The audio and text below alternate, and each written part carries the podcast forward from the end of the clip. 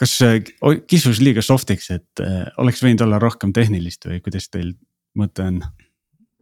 ma ei tea, meil tavaliselt ongi siuksed soft imad äh, episoodid saavad rohkem kuulamisi millegipärast. Äh. jah.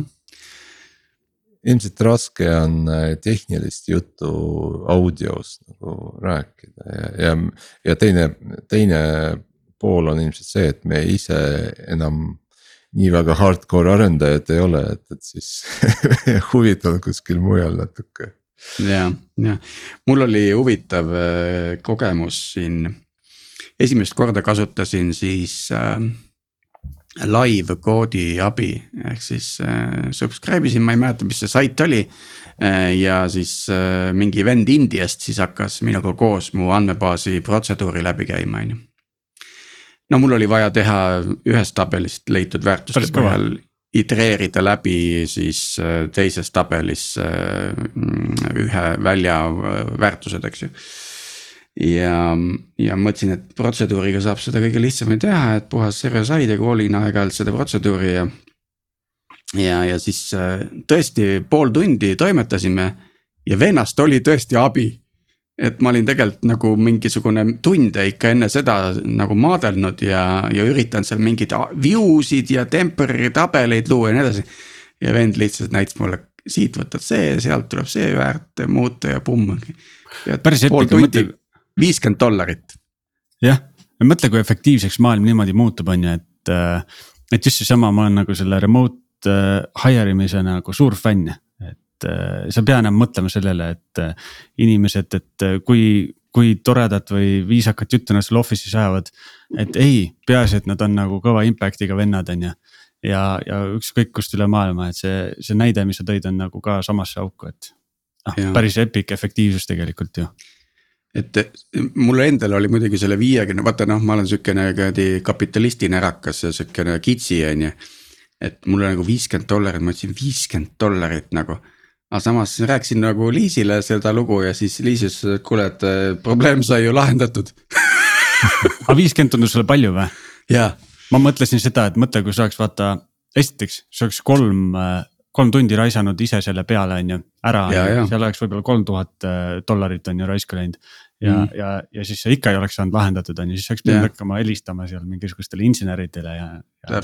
viiskümmend dollarit, noh, köömes ei, ma ütlengi, et tuleb lihtsalt perspektiivi panna asjad aga jah, see oli päris huvitav kogemus, et ähm, ja tõesti, see vend oli ka kuidagi nagu ikkagi noh, vaata need reitingute pealt kõik töötavad, on ju.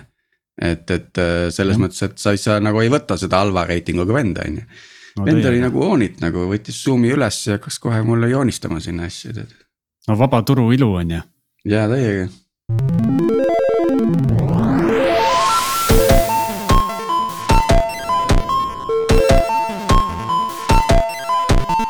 täna on seitsmeteistkümnes detsember ja oled jälle üles leidnud Algorütmi taskuhäälingu, mina olen Tiit Panev Veriffist ja minuga koos on meie virtuaalses stuudios Sergei Anikin Pipedrive'ist.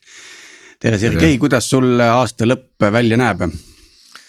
Äh, naljakas sai sinu käest kuulda seda küsimust, sa ilmselt ise tead. Äh, aasta lõpus äh, me planeerime järgmist aastat. teeme igast performance review'd, merit increase'id. aga noh, isiklikus elus loomulikult peab natuke hoogu pidada, on ju, nii palju muudatusi ja nii palju ärevust ümber. et sisemiselt peab ikka rahu otsima jah, et äh, samamoodi Veriffis, et tegelikult jõulude ja aastavahetuse ajal. Lähme terve kollektiiviga, võtame aja maha, et, äh, et anda inimestele ruumi natukene äh,. muide, selle sest... kohta äh, ma ei mäleta, kus kohas, oli see Google või keegi, et äh, nemad äh, on tekitanud sellise äh, nädala, kus äh, terves ettevõttes ei ole ühtegi koosoleku mm.. et äh, Väga just hea. sellises virtuaalses äh, või remote äh, nii-öelda töövormis minu meelest just need koosolekud, kus sa justkui sööd lõuna ja järsku avastad, et ops, et mul juba koosolek algamas on ju, või siis koosolekud on üksteisele järgi ja sa ei jõua isegi sööma minna, kuigi su söök on nagu kõrval külmkapis, et.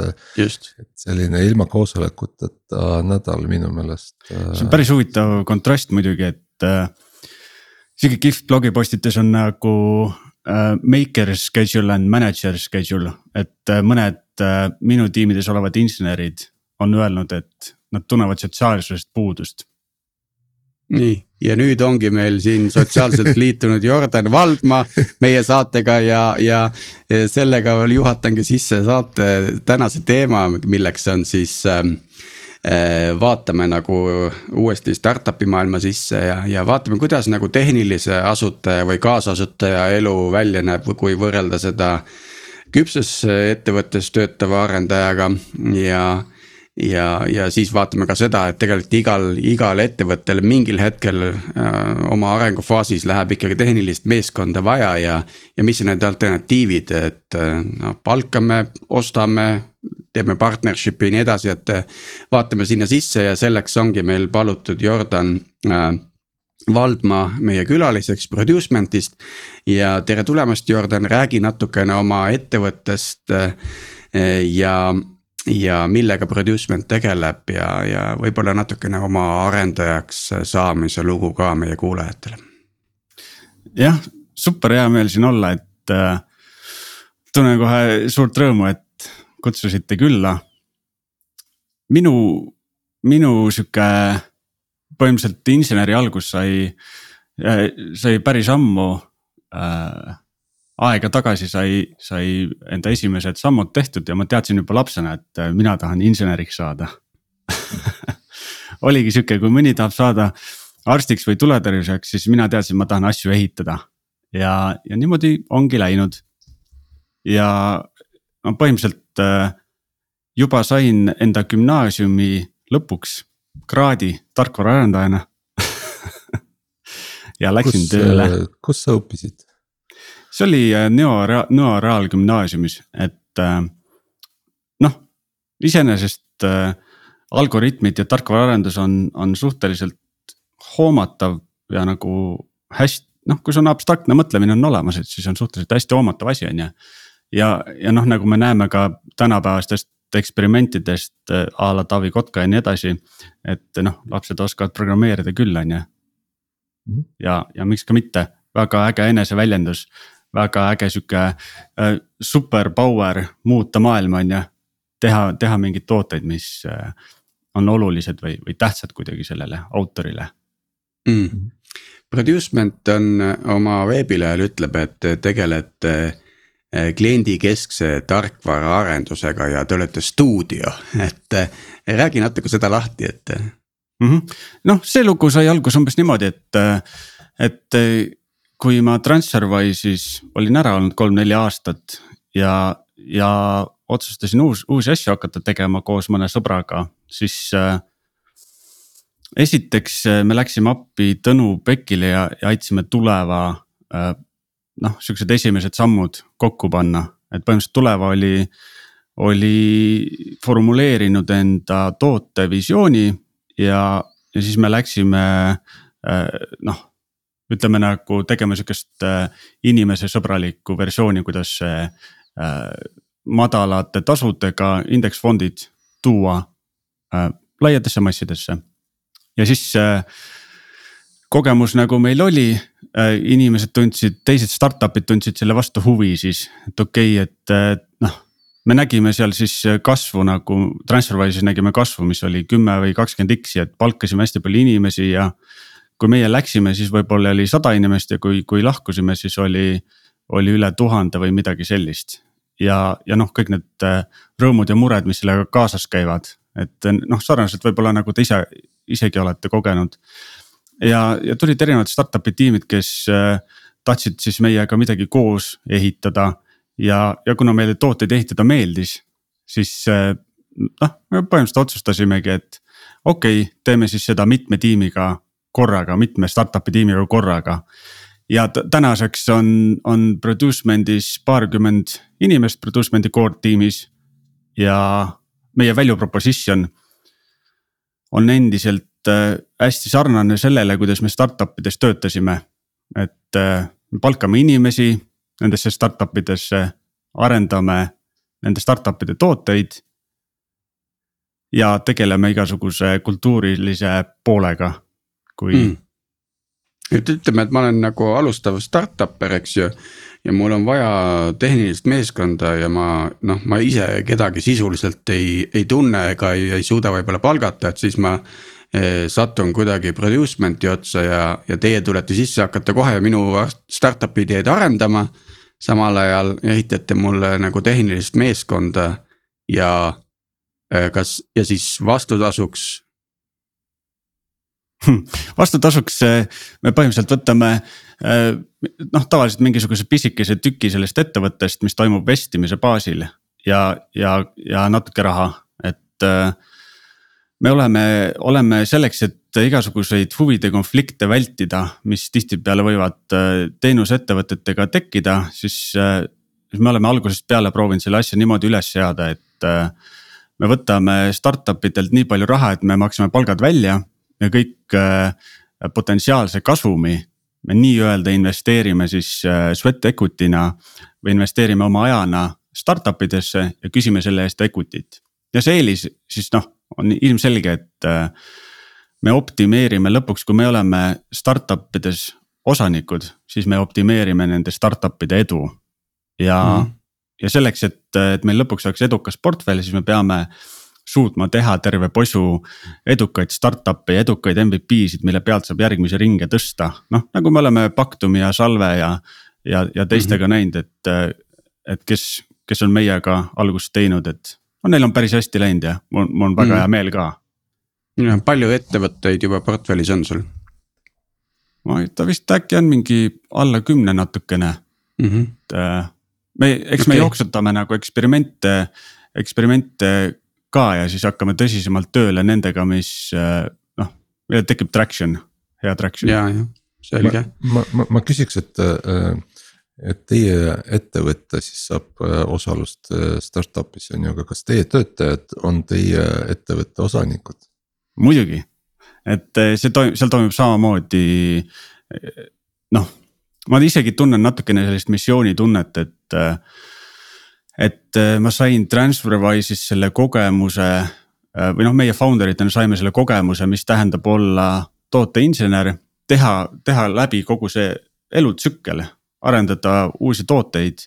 noh, mina siis tegelesin peaasjalikult äh, API-de ja, ja noh, minu sihuke tiim, mille ma nagu lõin või tiimide kogum, mille ma lõin, oli Global Partnerships. täiesti uus ärisuund ja, ja see kogemus äh, osutus minu jaoks väga nagu edukaks nii ainult nagu läbi kogemuse kui ka noh, materiaalselt on ju. ja siis äh, sellesama, sellesama võimaluse ma tahan anda ka kõikidele enda tiimiliikmetele. et nad saaksid mm -hmm. ehitada midagi ja pärast äh, noh, saada selle võrra targemaks ja pärast ka nautida enda töö vilju mm. -hmm. nii et asutajate seisukohast jälle ta niikuinii alguses liituvatele tehnilistele inimestele nagu noh, on hea tava või see on tema väärtuspakkumine, osa sellest ongi see, et ta annab optsioone, eks ju. et mm -hmm. nüüd ta põhimõtteliselt annab need optsioonid nii-öelda producement'ile ja siis teie omakorda äh, annate mingisuguse vestimiskeemiga oma töötajatele siis osaluse selles nii-öelda producement'is kui portfelli haldavas ettevõttes, kus nad kõik inimesed siis oma portfelli ettevõtetes omakorda töötavad. jah, täpselt ja sihuke huvitav äge boonus. kui te olete portfelli teooriaga tutvunud, on, on, on põhimõtteliselt see, et. et kui varem, kui, kui näiteks äh, insener töötab Veriffis või töötab TransferWise'is äh, neli aastat, siis ta teeb suhteliselt suure panuse, et kõik tema munad on nagu ühes korvis, aga kuna selliselt nagu meie toimetame, tekib, äh, tekib noh, sihuke väike VC fond nagu ettevõtete equity test mille me siis paneme sihukesesse äh, ühte kohta kokku ja jagame sealt äh, inimestega, kellega me töötame, äh, jagame siis sealt tükikesi, see tähendab, et nad saavad kohe endale diversifitseeritud portfelli. VC mm. portfelli, mis on nagu päris kõva sõna. noh, sihukesele noh, lihtsalt nagu insenerile, kes teeb nagu head tööd ja head asja mm., et, et.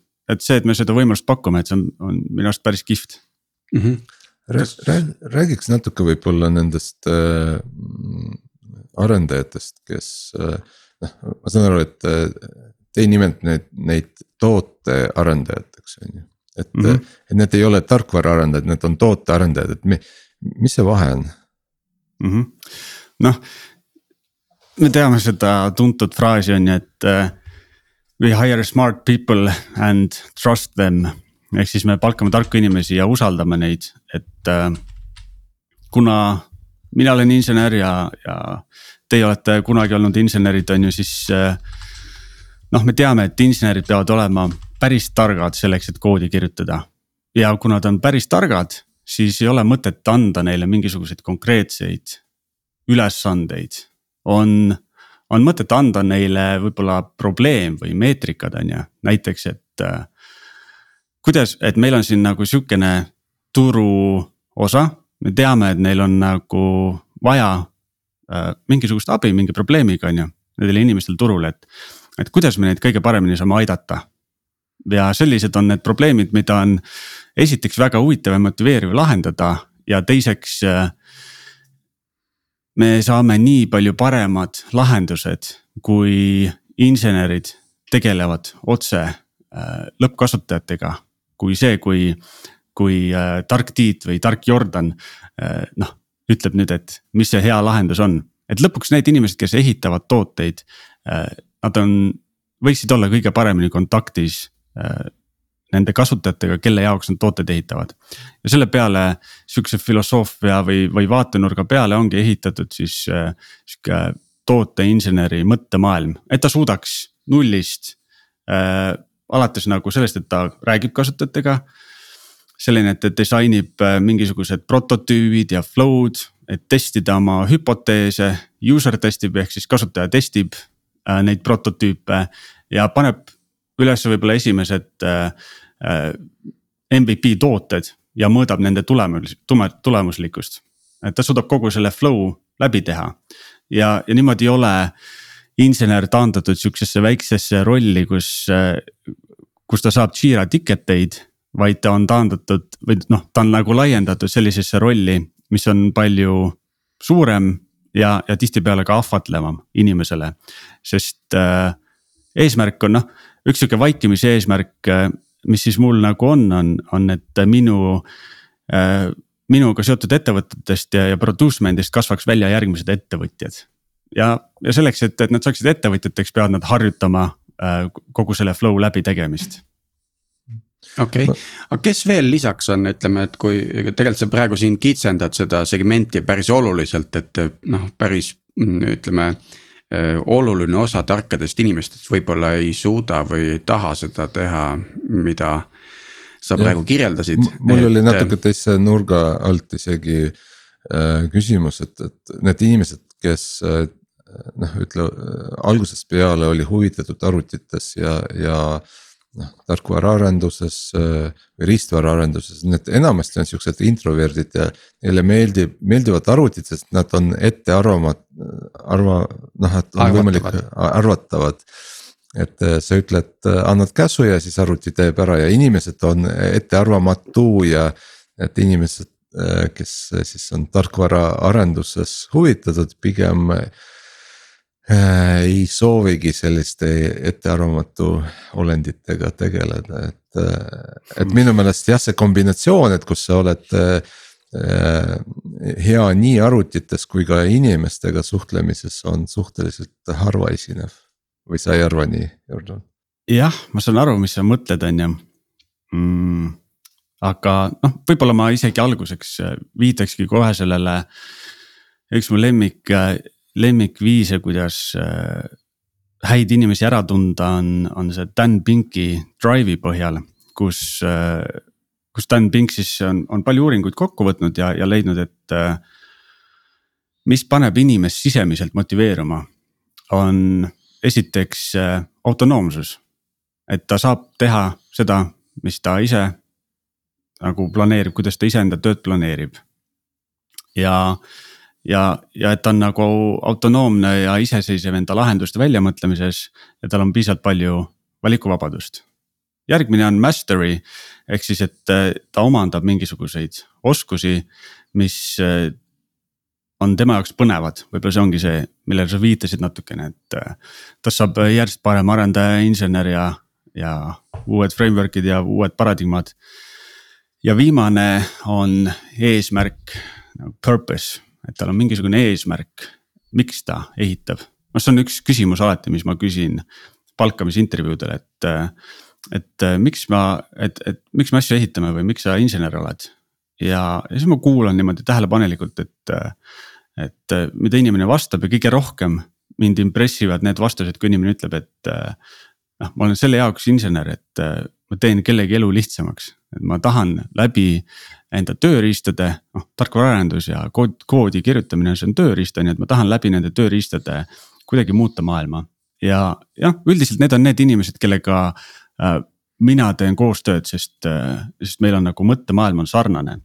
ja, ja noh kui ma nüüd nagu võib-olla la, natukene laiemaks lähen selle, selle probleemi püstitusega, mille sa, mille sa tõid, et võib-olla, võib-olla kõik inimesed ei mõtle niimoodi. Et miks ma teen, mis ma teen, on ju, või, või kuidas ma suudan maailmas luua mingisugust äh, impact'i äh,. kuidas ma suudan maailma muuta, et siis noh, eks see, eks see juba algab, on ju peale meie sihukesest äh, varajasest elukorraldusest, et võib-olla kui, kui koolisüsteem on olnud selline, mis paneb äh, järgima äh, noh, käske või, või mingisuguseid asju selle asemel, et, äh, et leida loomingulisi lahendusi, siis me võib-olla harjume sellega ära, aga, aga noh, nagu, nagu mõned inimesed on ka väljendanud, et siis ma arvan, et, et see, kuidas me töötame on, on tegelikult see, kuidas me inimestena tegelikult töötame, on suhteliselt äh, scientific. et me kogu aeg teeme eksperimente ja vaatame, kuidas need eksperimendid lähevad ja siis õpime neist, et ma arvan, et kõigis meis on see idu olemas, olla hästi-hästi loominguline.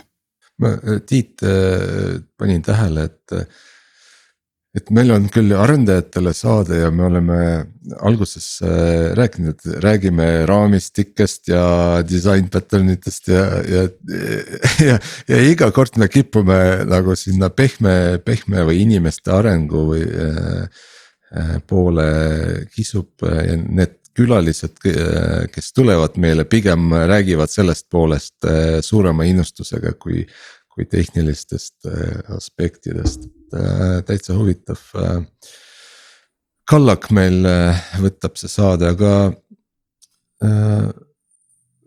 äkki räägid natuke täpsemini sellest palkamise protsessist, et, et, et lisaks sellele.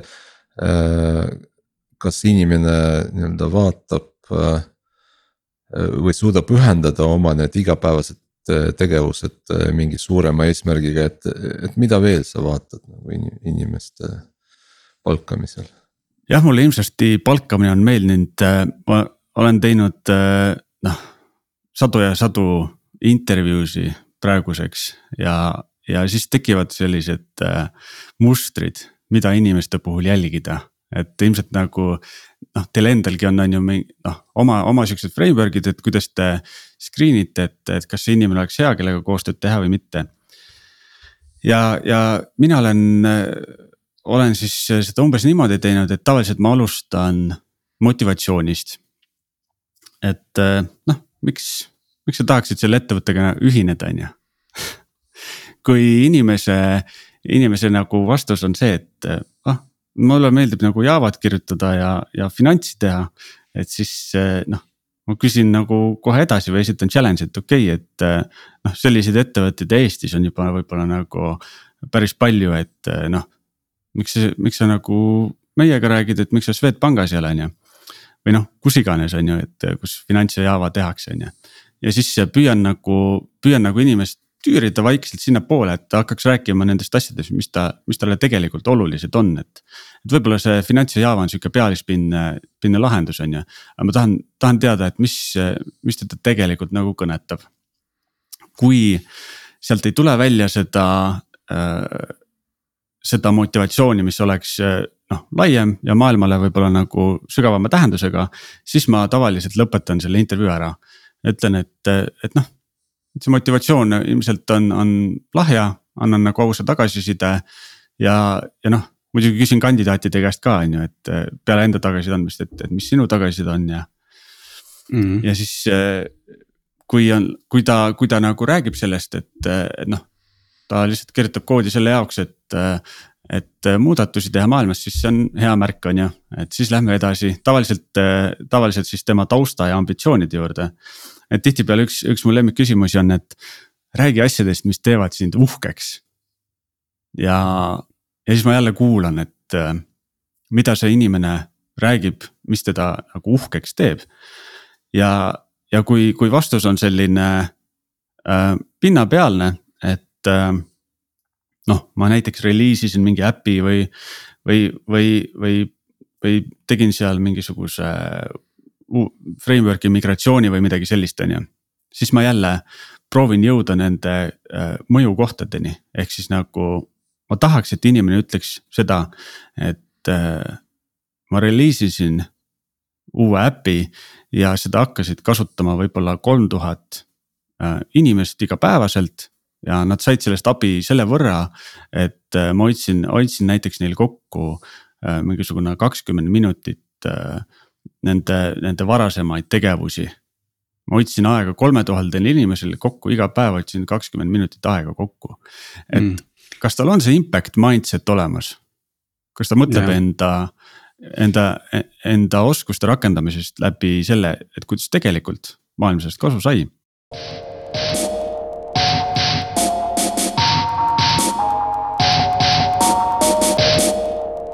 Päris kõvad filtrid, Jordan, selles mõttes, et eh, ma ei tea, sa ilmselt oled ise neid intervjuusid näinud, et, et ega ju.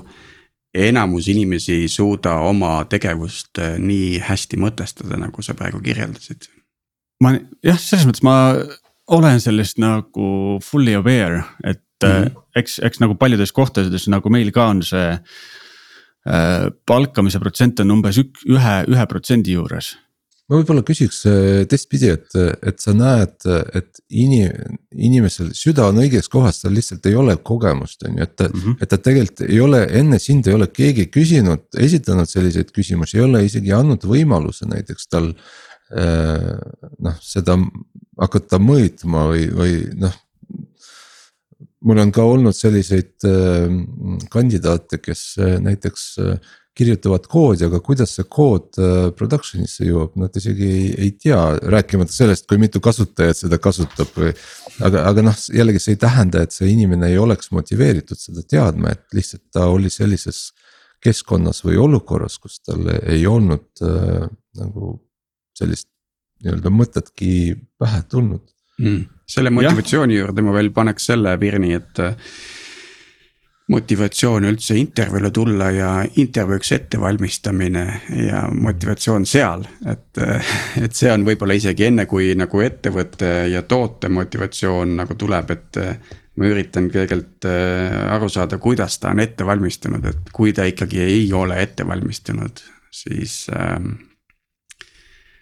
siis on ikkagi tegelikult halb, sest mhm. see on märk äh, tema modus operandi'st no täiega, sinna motivatsiooni alla käib kindlasti see, et äh, kas oled, äh, oled ettevõtte toodet proovinud või lehe läbi lugenud ja kui ei ole, siis on jälle noh, hästi lihtne öelda, et.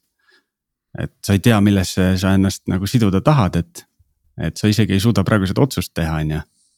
et räägime teinekord edasi. aga Sergei, sinu kommentaari kohta ma tahtsin öelda, et äh, ja et et ma olen päris edukalt äh, palganud ka varajasema kogemuseta inimesi ja õnnelik juhus, et täna hommikul just äh, üks selline hire, äh, kellega ma kunagi ühte tiimi palkasin, kirjutas mulle Facebooki. tšau, tead, ma mõtlen, et tahan sulle veel kord juba öelda aitäh, et nägid minus piisavalt potentsiaali, et mind tiimi kaasata. õppisin selle kogemuse läbi ja üldse sinult, sest sina ju peaasjalikult mind coach isid väga palju selline, selline hommikune mõtisklus siis, nii et veel kord aitäh. et äh, see on hästi südantsoojendav, neid äh, kirju on paar tükki tulnud ja, ja ma arvan, et seda vahet on päris lihtne aru saada, et äh, kui inimene on valmis mõtlema. noh, mõtleme niimoodi kastist väljas ja, ja mõtleme suuremalt, siis võib ka võtta ilma kogemuseta inimese ja, ja, ja kui tal on piisavalt motivatsiooni, siis ta ise onboard ib ennast kõikidesse nendesse vajalikesse tooteoskustesse, aga noh, nagu noh, me teame, on ju nagu, et, et, et Google'il oli vahepeal selline poliitika, et ta näiteks ei võta kedagi tööle, kes on üle paari aasta sihukestes äh, kor, väga korporatiivsetes kohtades vastu pidanud, on ju. et, et mõnikord äh, äh noored siuksed äh, kogenumatud inimesed on isegi parem pett kui, kui keegi, kes on harjunud väga äh, range hierarhia või struktuuriga või, või sellega, et ta peab kellelgi luba küsima. noh, versus enda initsiatiivi kaasamine. ei noh, kindlasti on võimalik ju minna lihtsama vastupanu teed pidi on ju, noh palkadki endale ainult senior'id avatud äh, nii-öelda maailmavaatega, aga noh, mingi hetk sa takerdud sinna, et e-, ega neid nii väga palju ei ole ja siis. sa pead enda peale võtma selle sotsiaalse vastutuse, et võtadki neid nii-öelda eksinud inimesi ja hakkad neid harima, kuidas teilt teistmoodi on võimalik asju teha, et. ja ka vastupidi, et mul on sihuke väike salaplaan, et võtta parimad tudengid järgmine suvi ja, ja anda nad parimatele startup idele. et eh, noh, küll ma tahaks, et keegi oleks minuga seda teinud kooli ajal, on ju, et äh, kui, kui mina oma, oma kooliaegseid startup'e tegin ja, ja need fail isid ja bust'i läksid, et oleks tahtnud, et mul oleks see kogemus olnud varem. töötada, näha, kuidas edukalt tooteid ehitatakse, et siis ma proovin seda pakkuda mõndadele innukatele ja motiveeritud tudengitele kuule, ma tahaks äh, tehnoloogiatest ka natuke rääkida, et, äh, et mm. -hmm ma tegin screenshot'i teie pitch'i, pitch'i deck'ist, muide esi-, tegelikult enne isegi, kui me räägime tehnoloogiatest. Teie pitch deck on väga ilus, et, et kas teil on oma disainerid või kes teil nagu disaini teeb? jah, meil on, meil on mitu oma disainerit tiimis. lihtsalt see ei paistnud välja, et noh, et nad ei olnud eraldi välja toodud sellepärast tekkis küsimus. Äh, miks ma tahan tehnoloogiatest rääkida, on see, et, et, äh, et startup'ide maailmas ja noh, ja ka teie räägite oma deck'is, et, et hästi oluline on tegelikult võimalikult kiiresti valideerida ähm,. kas üldse probleem eksisteerib, mida see startup üritab lahendada ja siis hästi kiiresti valideerida ka neid lahendusi. Ja nüüd äh, mis on need tehnoloogiad, võtmetehnoloogiad just sellise kiire prototüüpimise või kiire probleemi valideerimise jaoks, oskad sa äkki äh, müüa või rääkida meile mõnedest tehnoloogiatest, mis aitavad just sellist kiire, kiire äh, prototüüpimist mm -hmm.? noh, kui sa ütled tehnoloogiat, siis ma eeldan, et sa mõtled ka nagu noh, metoodikaid, et kas ma saan õigesti aru? Ka metoodikaid, aga ütleme, et, et ka noh, kasvõi programmeerimiskeeled, et mõne, mõni programmeerimiskeel äh, on ütleme. sa kirjutad kauem, aga selle võrra ta on kvaliteetsem, noh verb, äh, verboossem, et ütleme Java või JavaScript on ju, et JavaScriptis sa, sa suudad äh, hästi kiiresti lihtsa funktsionaalsuse kokku panna, aga, aga ütleme, kvaliteet selle võrra kannatab ja. ja siis Javas noh, kuna ta on strongly typed, et, et võib-olla kirjutad natuke kauem, aga siis äh, sul on natuke parema kvaliteediga lahendus mm. -hmm. jah, ma kohe võib-olla hakkaksin sellest viimasest otsast pist-, kinni, et mm, -hmm. et sihuke äge study on tehtud Accelerate'i poolt, et võib-olla olete lugenud seda raamatut, kus siis võeti nagu mitmeid aastaid ja, ja erinevaid tootetiime kokku. ja mõnikord meil on selline äh, sihuke kognitiivne bias, et me arvame, et, et kui me teeme midagi nagu niimoodi häkime kokku, et, et siis see tulemus tuleb kiiremini. Aga data ei näita seda, data näitab seda, et äh, mida stabiilsemini Äh, sa enda tarkvara kirjutad, seda kiiremini sa suudad seda kirjutada. ja noh, me teame kõik, kuidas see näide võib-olla on äh, unit testide kirjutamine on ju. et meil on, meil on tavaks see, et äh, kõik asjad peavad olema unit testitud vähemalt kaheksakümne protsendi code coverage'i ulatuses. ja kunagi ei ole seda probleemi, et insener kardaks reliisida mingisugust uut versiooni või itereerida järgmist, järgmist reliisiga itereerida. sellepärast, et kogu funktsionaalsus on unit testitud ja ta sisuliselt ei saa midagi katki teha. et äh, ma mainisin kähku ära need neli võtmemeetrikat, mida Accelerate välja toob, et, et see on selline asi, mis, mida iga tooteorganisatsioon peaks track ima. sellepärast, et, et seal on hästi tugev korrelatsioon nende nelja võtmemeetrika vahel. ja kui edukas on su toode ja organisatsioon üldiselt. et esimene neist on lead time mis põhimõtteliselt äh, näitab seda, et, äh, et kui sa oled kirjutanud koodi, et kui kiiresti ja noh, nagu commit inud, et kui kiiresti ta jõuab äh, production'isse. ja headel tiimidel on see alla tunni. et, et insener kohe hakkab põhimõtteliselt tagasisidet saama sellele tööle, mis ta on teinud, kasutajad kommenteerivad või, või näeb statistikast midagi. teine on deployment frequency hästi lihtne on ju, et head tiimid release ivad koodi ikkagi mitu korda päevas et see ei ole sihuke asi, mida äh, tuuakse nagu suurele treenile ja siis äh, äh, ka iga kahe nädala tagant ja siis keegi on selle treeni katki teinud ja siis jälle rollback itakse ja siis lõpuks kolme nädala pärast insener saab alles tagasisidet enda koodile, et ei. Et see on sihuke asi, mida tehakse mitu korda päevas, on ju ja, ja see kohe läheb nagu inseneril niimoodi mälupuhvrist minema, on ju. ja ta saab uute asjadega tegeleda. et ta ei pea mm. nagu hoidma endal mingisugust mitme kuu vanuseid, vanust datat nagu peas ja järgmine meetrika on, kolmas meetrika on mean time to restore from a failure, et äh, meil, meil alati on ju, juhtub, et midagi läheb katki, see on normaalne, aga kui ja me ei pea optimeerima noh, seda nagu täiuseni, et, et, et kui tihti asjad katki lähevad, aga me peame sellest super kiiresti taastuma. sest kui, kui me kiiresti taastume, siis kasutajad ei saa arugi sellest, teevad lihtsalt klikivad refresh on ju ja kui sul on rollback'i mehhanismid peal kuskil äh, pilves või kus iganes, on ju. siis äh, kohe vupsti tuleb eelmine rakenduse versioon ülesse ja, ja kõik on nagu hästi, on ju, load, load balancing korjab ülesse, et. Äh, et üks teenus võib-olla andis vea ja teeb rollback'i. ja, ja viimane on siis change fail percentage ehk siis äh, mitmest reliisist äh, võib äh, fail ida ja, ja noh, head tiimid fail ivad siis niimoodi null kuni viisteist protsenti reliisidega ja, ja nüüd on nagu sihuke huvitav. kas see fail neil... tähendab seda, et äh, oli plaane-, planeeritud reliis, aga seda ei juhtunud, seepärast et testid läksid midagi? Äh, ei, pigem tegid rollback'i. Jah, jah, pigem roll nagu rollback või hotfix okay. või, või midagi sellist mm. -hmm. ja siis äh, on sihuke huvitav nagu intuitiivne asi, mida mõned tarkvaraarendusjuhid hakkavad tegema, kui neil reliisid lähevad katki või, või mingeid probleeme on, on see, et nad teevad need reliisitsüklid veel pikemaks.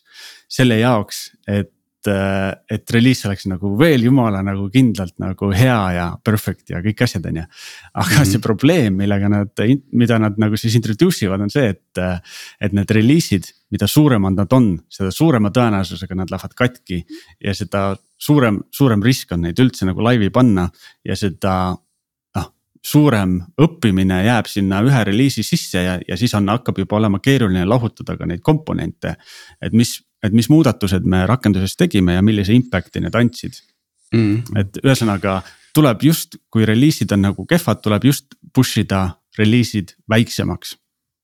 ja see on äh, ju hästi tuntud äh, Kendbecki väljend, et, äh, et kui midagi on sulle raske või väga raske, siis sa pead seda tihedamini tegema, on ju, et. no täiega ja, ja, ja, ja no üks... ütleme kõik, kõik uus on hästi unustatud vana, et äh, kui guugeldate sandcone theory'd, siis see ütleb äh, väga selgelt, et kuhu peab nii-öelda management'i attention minema, et. Äh, esimene on kvaliteet, siis selle peale ehitad dependability layer, mis tähendab seda, et sa suudad seda kvaliteeti kogu aeg samamoodi deliver dada, eks ju siis sa ehitad sinna flexibility layer'i, kus sa nagu optimeerid seda oma süsteemi, mille sa oled just ehitanud, mis toodab kvaliteetset tulemust, eks ju. Äh, optimeerid seda vastavalt siis äh, kliendi nõudmistele, lisad selle paindlikkust ja siis viimane on alles hind, ehk siis äh, et mis, mis hinnaga sa suudad nagu seda või see tootmissüsteem suudab nagu välja Äh, tulemust lasta ja, ja nüüd äh, see, millest sa just rääkisid, et meil on sihuke tunne, et kui me äh, paneme hinna ja aja paika, et, et siis ja skoobi ka, et siis siis kõik äh, nii-öelda ehk siis ressurss, koopia aeg on paigas, et me siis saavutame jube kiiresti midagi väga ilusat, aga tegelikult on. on, ei saa üle ega ümber sellest projekti juhtimise kolmnurgast, kus äh, sa igas ajahetkes oled tegelikult ikkagi kompromissi ees, et ühte nurka pead õgvendama, kui, kui teised kaks on fikseeritud ma tooks võib-olla veel ühe probleemist nende pikemate reliisidega või noh, pikendamisega, reliiside pikendamisega on, et tegelikult äh, äri ise kannatab. Äh, et äri, äri kaotab oma äh, nii-öelda agiilsuse. et kui väliskeskkond muutub ja äril on vaja muuta oma lahenduses midagi, on ju ja sul pooleli on, on hoopis mingisugune teine asi reliisimata ja siis. ühesõnaga plaanide muutmine muutub niivõrd keeruliseks kogu ettevõttele, sul tekib nagu kiht kihi pealt neid planeerijaid ja ümberplaneerijaid ja projektijuhte ja noh. Lihtsalt see yeah., see, see muudab kogu ärijuhtimist nii palju keerukamaks. kui siin no, on nii-öelda see producement või production nii-öelda pipeline on nii, niivõrd äh, äh, pikk jah, noh ku,, kuidas me sellest mõtleme, on, et üks lihtne äh,, hästi lihtne nagu viis äh, seda probleemi vältida on, on see, et üldse mitte äh, tekitada siukseid kihte nagu äri ja, ja tarkvaraarendus, et äh, ikkagi äh, noh, cross-functional äh, ühe KPI driven nagu tiim. et äh,, et on grupp inimesi, igal inimesel seal seltskonnas on oma special skill kes oskab nagu paremini koodi kirjutada, kes oskab kõige paremini kasutajatega rääkida. kes oskab seal mingisuguseid äh, mudeleid teha, on ju, aga neil kõigil on üks eesmärk ja, ja kui küsitakse, et äh, kuidas teie KPI edenenud on, et uh, have you moved the needle, et siis igaüks tiimist noh, teab, kuidas neil on läinud ja oskavad vastata ja, ja teavad, mis nad on teinud, et see, et see, et see nõel liiguks ja, ja, ja noh kindlasti tahame vältida, on ju sihukest äh, näppu, näpuga näitamist, et. Äh, et aa, aga sealt äh, ärikihist tuli halb sisend või, või siis mingisugused testijad kuskil tegid midagi halvasti, ei. Kõik on nagu üks tiim, on ju, ja ei ole kihte, et töötate nagu üks tiim ma vaatan uuesti see, selle nimekirja tehnoloogiatest ja raamistikest, mida te kasutate, et noh, ma loen siin React Redux, Spring Framework, Spring Boot, Vaadi, noh Flutter, Open API. et kuidas te valite framework'i, ütleme, tuleb uus äh, projekt või tuleb uus startup. Äh, on vaja nullist kirjutada mm. -hmm. mil, mis on yeah. see vaikimisi nii-öelda raamistik, mida te võtate uh,? me, me juhindume paarist uh paarist guideline'ist, mis on ka suhteliselt ratsionaalsed. et äh, esimene on äh,, on, on natuke maailmavaatelisem, esimene on, on põhimõtteliselt me tahame teha hästi tugevalt tüübitud keeli. sellepärast, et äh, see võimaldab meil refaktoreerida äh, koodi ja teha uusi iteratsioone väga lihtsalt. võrreldes võib-olla dünaamiliste keeltega, mida nagu tundub, nagu oleks kiirem kirjutada alguses, aga hiljem muudatusi teha on nagu kõvasti raskem ja, ja sellepärast me valime tavaliselt dünaamiliselt nagu statiliselt tüübitud keeled nagu. noh, viimased, ma ei tea, viis aastat me olemegi Kotlini kasutanud. sest Kotlin lihtsalt on, on, on rohkem succinct või, või lühem kui Java näiteks. Aga, aga samas noh, kõik kogu Java interoperability on olemas, on ju. ja, ja noh, kui see if we have this out of the way on ju, siis hästi oluline on, on ju see startup'i jätkusuutlikkus, kas ta suudab äh, selle tehnoloogia peale palgata inimesi mm. -hmm. ja, ja noh, see ongi põhi, enam-vähem nagu põhiline argument, äh, miks me oleme jäänud enamasti Java maailma äh,. Mingisuguste sihukeste, jah, me noh, selles mõttes meie jaoks ikka muidugi kood on nagu tööriist on ju, et me kasutame kasutame erinevaid asju, mis tunduvad mõistlikud. aga, aga üldiselt Java maailmas on lihtne pargata häid insenere see on meie sihukene nagu kogemus olnud. kust need tulevad, need Java insenerid? mis äh, ettevõtetest või, või mis äh, nii-öelda äh, riikidest võib-olla, kui me räägime siin äh, väljastoomisest?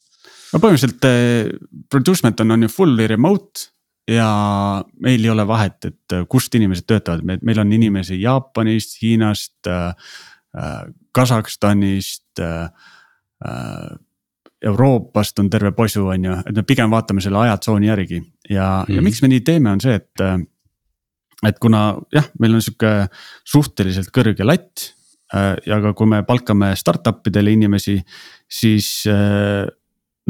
Eestis on, on ju see talent pool on ikkagi hästi-hästi sihuke palju läheb, lähevad nagu Pipedrive'i ja, ja Veriffi ja TransferWise'i tööle, on ju ja, ja noh, tegelikult me oleme aru saanud, et vahet ei ole, et kas äh, kas inimene on sul nagu seal kõrval lauas või, või ta istub kuskil äh, Jaapanis, et oluline on ikkagi tema delivery ja tema impact.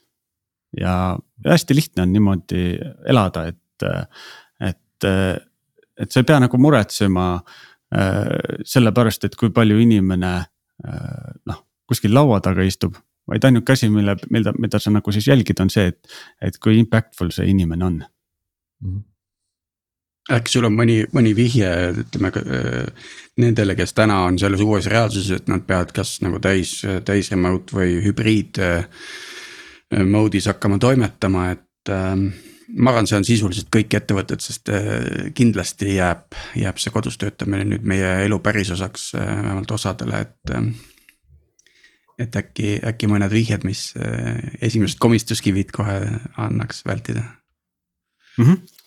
jah, sihuke lihtne äh, printsiip on, et, äh, et kui sul on äh,, sa alles lähed üle nagu noh. Lihtsalt nagu referentsi mõttes, et äh, TransferWise'is me kogesime seda, et kuidas nagu tekib hästi palju erinevaid äh, development hub'e ja, ja saime võib-olla need remote rutiinid paika nagu jooksu käigus, aga producement oli alates nullist oli kohe fully remote ettevõte. aga kui on sihuke üleminekuaeg, et siis noh, niimoodi on nagu raske äh, koosolekut pidada, kui sul viis inimest on niimoodi koosolekuruumis ja siis äh, kaks või kolm inimest on läpakate taga, on ju. et siis tuleb teha nagu need rutiinid kõikidele põhimõtteliselt mm -hmm. äh, algusest peale selgeks, et äh, kogu kommunikatsioon käib äh, avalikes äh, äh, kanalites, et, et kõik tiimiliikmete jaoks oleks see nagu visible, keegi jääks info luubist välja, on ju, teha hästi kategoriseeritud info jagamise süsteem, et eraldi, eraldi kanalid nagu mingisuguse konkreetse Äh, toote meetrikatest või KPI dest rääkimiseks eraldi kanalid nagu ainult tehnilistest asjadest rääkimiseks, eraldi kanalid mingisuguse äh, uute ideede jaoks ja nii edasi, on ju, et inimesed suudaksid hästi selles äh, remote'iga kaasnevas sihukeses info mürast nagu välja noppida need, mis on olulised asjad, on ju. aga noh, kokkuvõttes ma arvan, et, et, et me kogu meie maailm läheb nagu selle võrra efektiivsemaks jälle, et ma ise arvan, et see on, on hea muudatus et inimesed saavad ükskõik kus tööd teha. Tiit, kas sa mäletad, äh, mis Skype'is oli reegel, mis on esimene samm probleemi lahendamiseks? et äh, loo multi-chat'e jah, kõik, kõikide asjaosalistega yeah.. aga, aga ma küsiks, äh, Jordan, kuidas noh, teil on kakskümmend, umbes kakskümmend inimest jah yeah.? ja mitu projekti korraga on ju, et, et kuidas inimesed nende projektide vahel äh, jagatakse või, või kas nad ise valivad endale projekti või räägi natuke seda poolt võib-olla mm. -hmm. seal on kindlasti on äh, äh, asjaosaliste enda, enda nagu motivatsioon on oluline ja, ja kas, äh, kas need asjad nagu startup'id tunduvad põnevad, aga noh. praegu me kindlasti ütleme ei rohkematele startup idele, kui me, kui me koostööd teeme, tihtipeale just äh, noh, sest me niikuinii läheneme sellele nagu VC-d on ju, käime oma vetting protseduuri läbi, aga, aga jah, kui, kui startup'i hakkame onboard ima, siis, siis me muidugi räägime, et äh, noh, kelle jaoks oleks midagi põnev ehitada. ja noh, tavaliselt meil on siis mingisugune kolm-neli startup'i korraga töös. Sellise inim, inimhulga juures, nagu meil praegu on kas teil on mingi süsteem re rebalansseerimiseks, ütleme, et ühel startup'il on vaja natuke rohkem teha ja siis inimesed nii-öelda liituvad äh, teistest tiimidest. Äh, äh, noh, seal, kus võib-olla vähem tööd. noh, kui me näeme, et, et selline olukord on, siis me pigem noh, tegelikult, kui me hakkame startup'iga tööle, siis me alates päevast üks hakkame ka palkama neile inimesi, sest mm. äh, noh, nagu ma ütlesin, me optimeerime startup'i edu, on ju, ja. Ja ideaalis me töötame startup'iga koos nagu võib-olla noh, mingi kuus kuni kaksteist kuud ja mitte kauem sellepärast et me ei taha, et nad jääksid meist sõltuvusse, on ju. selle aja jooksul me peaksime olema suutnud tekitada neile äh, noh, sihukese ade-, adekvaatse tehnoloogilise tiimi sisse on ju ja, ja siiamaani on nagu niimoodi läinud ka, et, et äh, noh, kaasa arvatud CTO-d on ju, kelle, kelle me palkame ja, ja noh, selle üle meil on hästi hea meel. ja, ja põhimõtteliselt äh, noh, need rutiinid on, ma arvan, üsna, üsna nagu lihtsad, et et insenerid meie tiimides on juba harjunud sellega, okei okay,, mingi uus startup. jah, paneme neid KPI-d paika, mida me optimeerime. et kas see on äh, hetkel me kogume mingisugust validatsiooni või siis äh, juba, juba nagu rõhume kasvule tahame hoida kasvu nagu viiskümmend protsenti või, või sada protsenti month over month on ju, mis me selle jaoks tegema peame. et kogu see noh, tavaline toote, toote mõtlemise mentaliteet on nagu seal ja kui ja noh, kui inimesed on nagu harjunud niimoodi tegutsema, et siis, siis neil on hästi lihtne võib-olla ka minna, noh. minna nagu erinevatesse startup idesse ja proovida siukseid tüüp-probleeme äh, lahendada, noh mm -hmm. lõpuks on see ikkagi algoritmiline probleem, on ju toodete ehitamine on nagu algoritmiline probleem. Kas teil on äh, mingi konkreetne startup'i faas, kus te nagu tulete sisse, et ma, ma kujutan ette, et mingisugune esimene seed või, või angel investment on juba saadud, sest muidu nad ei saa ju teile nii-öelda neid palgamakseid äh, teha, on ju. Mm. Äh, ja siis te väljute seal, kus neil on võib-olla järgmine rahastamise faas ja nad saavad juba hakata oma, oma nii-öelda tiimi äh, kokku panema.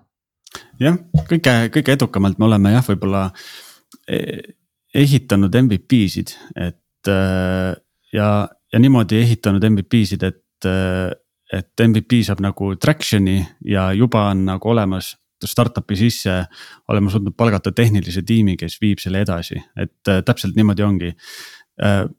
kui noh, on ju igasugusele ehitamisele, ehitamine on kõige kallim viis õppida, igasugusele ehitamisele eelneb sihukene nagu validatsiooni kogumise Äh, faas, kus ei pea mitte ühtegi rida koodi kirjutama, on ju. et äh, siis me lihtsalt vahel hoiame startup idel kätt, et äh, et kuidas prototüüpida ja, ja kasutada, testida ja itereerida nende prototüüpidega ja kuidas nüüd saada need esimesed tuhat inimest näiteks, kes on juba teinud pre-commitment'i või mingisuguse sign-up'i või isegi andnud raha, et jah, ma juba tahan sihukest toodet nagu osta, et ainult, ainult ehitage valmis, on ju kui sihuke turuvalidatsioon on olemas, siis äh, jah, tõepoolest nagu äh, võib hakata ehitama, kui seda ei ole, siis me tavaliselt startup idega nagu tööle ei hakka ka. et äh, hästi palju ütleme just sellepärast ära, et, et me ei tunne, et oleks õige aeg koodi kirjutada, et, et noh. kuna me, kuna me oleme enda motivatsiooni ja incentive'id niimoodi üles seadnud, et äh, meie saame edukaks siis, kui startup'id saavad edukaks, siis me töö, teeme nagu ikkagi tööd nende startup idega. kes on sellises kohas, kus, kuhu nagu tuleb tarkvara arendada ja kes, äh, kes selgelt nagu võivad, nagu neid on mingi tõestus, et miks, miks neid võiks nüüd edu saata. ja ehitame MVP-sid, itereerime äh, selles faasis palju ja, ja jah, kui on järgmine raha tõstmise faas siis äh, ideaalis on selleks juba, selleks ajaks juba olemas CTO ja, ja tehniline tiim niimoodi, et äh, meie jääme võib-olla natukene sealt äh, taustalt aitama, kui vaja on, aga, aga startup on juba nagu iseseisev. kas ei ole, kas sul ei ole sellist nii-öelda mm, kas sul ei ole kahju, et sa ei saa nagu panustada sinna kõige põnevamasse võib-olla faasi ettevõttes, kus kasvatakse just nagu sellest. noh, ma saan aru, et, et teie aidate sellest nii-öelda nullist üheni jõuda, on ju. aga siis järgmine faas on jõuda ühest sajani ja, ja see on tegelikult ju äh, hästi põnev äh, ettevõte või noh, nende töötajate äh, mõttest, on ju. no see on selles mõttes huvitav, huvitav mõte, et ma ise olen just nagu mõelnud niimoodi, et noh, kui sul on product market fit olemas, on ju siis mida sa lihtsalt, sa scale'id kogu aeg, on ju, sa palkad ju rohkem inimesi, sa ostad rohkem reklaame, on ju, sa ehitad rohkem tiime. ja, ja noh, product market fit on ju olemas, on ju, et. ja, aga see on ainult selle toote lõikes, vaata sealt edasi saad hakata nagu kliendi väärtusahelat äh, näksima vaikselt. see on nii, nii naljakas, oleks see nii lihtne, oleks meil, ma ei tea, juba viiskümmend unicorn'i siin noh, ma saan nagu, ma saan nagu aru, mis sa mõtled, aga jah, minu jaoks võib-olla on isegi noh, vaata, mida varajasem staadium, seda riskantsem on ju. ja, ja minu jaoks see riskantsem faas on huvitavam, sellepärast et seal on probleemid on nagu äh,. noh, ma ei tea, mulle meeldib natuke sihuke ekstreemsport ka on ju, et, et minu jaoks see adrenaliin võib-olla on nagu seal momendis natuke suurem. kuidas äh, sa näed äh, producement'i äh, viie või kümne aasta pärast, kas see on äh, selline mm, ühesõnaga, kas te olete endiselt väiksed, on ju sihuke stuudio või, või võite pigem kasvata suuremaks ja, ja saate. noh, praeguse, ma ei tea, kolme-nelja startup'i asemel saate paralleelselt aidata sada või, või kakssada startup'i mm -hmm.. noh, see esimene KPI on, on ju meie enda vaatest eh, ehitada edukaid startup'e ja samamoodi nagu VC-d ei saa investeerida ühes aastas võib-olla nagu äh, noh kahekümnesse või viiekümnesse startup'i, sest neil ei ole lihtsalt nii palju valikuid. siis äh, noh, see on see, need, need constraint'id, millest me nagu, nagu sihukeses naturaalses mõttes juba lähtume. et äh, kui me näeme noh, meil on praegu nagu selles mõttes väga hästi läinud, et äh, ikkagi Eesti siuksed paremad äh, founder'id tahavad meiega koostööd teha. seal MVP faasis ja, ja, ja kohe varsti, varsti mõne kuu pärast äh, noh. tuleb, äh, tuleb veel välja paar start, startup'i, kus on nagu väga ägedad founder'id, mida me võib-olla natukene under the radar praegu, kellega tööd teeme et äh, noh, ma just mõtlen inimesi, kes on varasemaid juba exit eid teinud, ettevõtteid ehitanud mm. -hmm. et siis neid on ainult nagu teatud hulk, on ju. ja, ja, ja noh, kuna me tahame nagu edukaid ettevõtteid ehitada, siis, siis me, see on nagu need seened, mida kasvab. Margus Uudam kunagi ütles selle kohta täpselt niimoodi, et noh, neid seeni ainult kasvab nii palju, nagu neid kasvab, on ju. ja, ja noh, teine asi muidugi, millele me mõtleme, on see, et, et, et, et tahame olla sihuke organisatsioon, kus ei ole mingisugust management'i. põhimõtteliselt noh, ei oleks bosse ega midagi, on ju. ja, ja sellepärast võib-olla ka noh. me ei ole mõelnud nagu, et, et, et võib-olla, võib-olla meid on äh, viie aasta pärast nagu nelikümmend, võib-olla on kuuskümmend, aga, aga noh. ma pigem, pigem kalduks arvama, et ikkagi nagu me jääme enam-vähem sellesse suurusesse, nagu me praegu oleme. noh, kui me just ei, ei leia mingit head viisi seda skaleerida, mis me praegu teeme üks teie klientidest äh, mainib siin äh, Tõnu Pekk tulevast, et äh, lisaks töötavale tarkvarale tegite ka mm, task'ide ja, ja planeerimise süsteemi, et mis siis olemasolevatel viga on, et pidite sinna uue looma? noh, võib-olla, võib-olla see hea asi, mis juhtub, kui insenerid muutuvad tooteinimesteks super hea asi, mis juhtub, on see, et nad on hästi data kesksed, hästi data driven on ju, et tuleb sul mingisugune Äh, noh, sihuke quote unquote projektijuht või mingisugune võll on ju, et ütleb, et. no davai, me peaks ikka selle nupu siin punaseks nüüd värvima, on ju. no mul sisetunne ütleb, et see on nagu hea, on ju. siis tark insener küsib ta käest, oot näita mulle siis noh, mis su data on nagu, et. kui sa ei suuda mulle seda impact'i nagu äh, noh näidata, et mida see toob, et siis ma ei hakka siin midagi ehitama, on ju, ma ei tee tööd, millel ei ole impact'i. ma räägin sulle veel paremat näidet, tuleb tootejuht ütleb, et teeme AB testi. Milline, milline värv töötab paremini? Ja siis, ja siis neid AB teste on mööda tarkvara on sadu ja, ja tuhandeid. Nad, nad ei, nad ei oska otsust vastu võtta. kahju, selles mõttes, et see on sihuke asi, mis tuleb tavaliselt user testing'u käigus välja et äh, piisab nagu suht-, noh, on jah, on nagu kvalitatiivseid õppimisi on ju nagu user testing ud ja kõik need chat'id ja siis on kvantitatiivsed asjad ja. ja noh, see, sellest me oleme ka nagu tootearenduse käigus aru saanud, et AB testid on tohutult kallis viis midagi õppida. et user testing, testing ud on palju odavamad. ja, ja kvantitatiivset data't pigem tasub koguda. Äh, noh, mu lemmik kontekst, kus seda teha on ikkagi conversion funnel on ju et sa näed step mm -hmm. by mhm. step ära nagu, kuidas mingisugune step convert ib ja, ja kuhu läheb nagu kasutajaid, et, et seal on see äh, statistical significance või, või statistiline ennustusvõime tekib alles, on ju. ja tihtipeale seda on raske AB testidega kätte saada ja, aga ikkagi see, see task management süsteem, et mille tulevale lõite, et mis seal, mis seal, mis te tegite? ma arvan, et mis, mis Tõnu mõtleb, seal on lihtsalt äh, noh, kuidagi tuleb enda tegevusi prioritiseerida, on ju yeah.. ja prioritiseerimine need tegevused niimoodi, et nad oleks äh, high impact ja low effort mm. -hmm. ja, ja ärme tee neid asju, mis on äh,, on high effort ja low impact ja, ja noh, selleks, et me saaksime impact'ist aru, on ju äh, te,. teeme nagu neid asju, mis kõige rohkem nagu tulemust toovad, et, et selle jaoks me siis noh, korjamegi enne nagu data't selleks, et me suudaksime üldse enda tegevusi prioritiseerida ja aru saada, mis feature'id on vaja ehitada. kas täna on vaja kolmandat sammast ehitada või ei ole, on ju. sellel mm -hmm. hetkel ei olnud, et sellel hetkel tuli, äh, tuli teistele asjadele keskenduda, on ju, kolmanda samba me saime.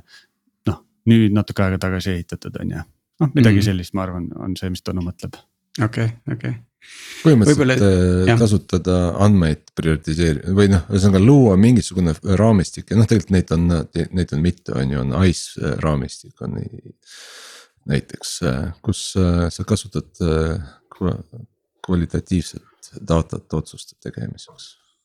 siia lõppu ma tahaks Jordan küsida äh,, nimeta oma lemmikasju ma arvan, et, et need four key metrics on, on üks selline lihtne data driven viis, kuidas mõelda enda, enda äh,. Enda tootetiimi nagu produktiivsusest. noh, automaattestid on ju äh,, igasugune nagu äh, toote mõttes sihuke lean thinking äh,. noh, kliendi kesksus ja, ja noh, selles mõttes nagu see kliendikesksus on nagu oluline vahe on ju, et, et mitte nagu nüüd selle startup'i kesksus, vaid selle lõppkasutaja kesksus. et me räägime selle, et see mitte me noh, startup on lihtsalt seal, et lahendada seda probleemi, on ju. aga probleem on ikkagi nagu lõppkasutajal on ju, et keskenduda sellele lõppkasutajale uh,. noh, hästi lihtne on clean code on ju, et uh, Uncle Bob on, on, on noh, enamuste inseneride sõber, et, et hästi uh, lihtne välja tuua, siis uh, äh, prototüüpimine, et lükata see igasugune koodi kirjutamine nii hilisesse faasi kui võimalik. et just tahakski nagu vältida seda, seda nagu tendentsi, mis meil inimestel on, et kui me oskame koodi kirjutada, siis kohe hakkaks koodi kirjutama, et ei. Solutionalism. jah, täpselt jah, et õpime ka need teised tööriistad ära, et kuidas, kuidas õppida äh, ilma koodi kirjutamata. noh, prototüüpimine ja on, on, on lihtne näide või sihukeste MVP builder itega millegi kokkupanemine, et lihtsalt landing page ide kokkupanemine, et saada aru, et kas äh, inimestele su value proposition kõnetab neid. kas nad juba teevad seal mingisuguseid email'e sign up'i ja nii edasi, et noh, võib-olla sellised asjad ja, ja muidugi ka nagu flat organisatsioonid, et, et et ühe KPI nagu keskne tiim ja ei, ei oleks nagu bosse, et kõik on võrdsed. väga hea selle äh, muljetavaldava listiga ongi hea otsad kokku tõmmata ja. ja lõpetada tänane saade, et aitäh, Jordan, et liitusid meiega ja aitäh, Sergei, et aitasid saadet äh, vedada. et äh, meie kuulajatele kindlasti jälle üleskutse aktiivselt kaasa lüüa, parim viis selleks on meile kas kirjutada äh, algoritm.et geenius.ee või siis äh, osaleda Facebooki grupis vestlusel, et pakkudes välja ka teemasid ja võimalusi, võimalikke külalisi, et üks meie ähm, noh, meie tänane külaline ongi just sealtkaudu tulnud, et selles mõttes aitäh inimesele, kes Jordani ära mainis seal ja. ja kõigile ilusat äh, rahulikku jõuluaega ja järgmine kord näeme suur aitäh teile, et te teete seda, mida te teete, et see diskussioon ja see väärtuspakkumine, mille te, te sellega inimesteni toote, et see on super äge, äge, et te selle käsile võtsite, ma tean, et noh, vahepeal see võib-olla on natukene tüütu, aga, aitäh selle effort'i eest.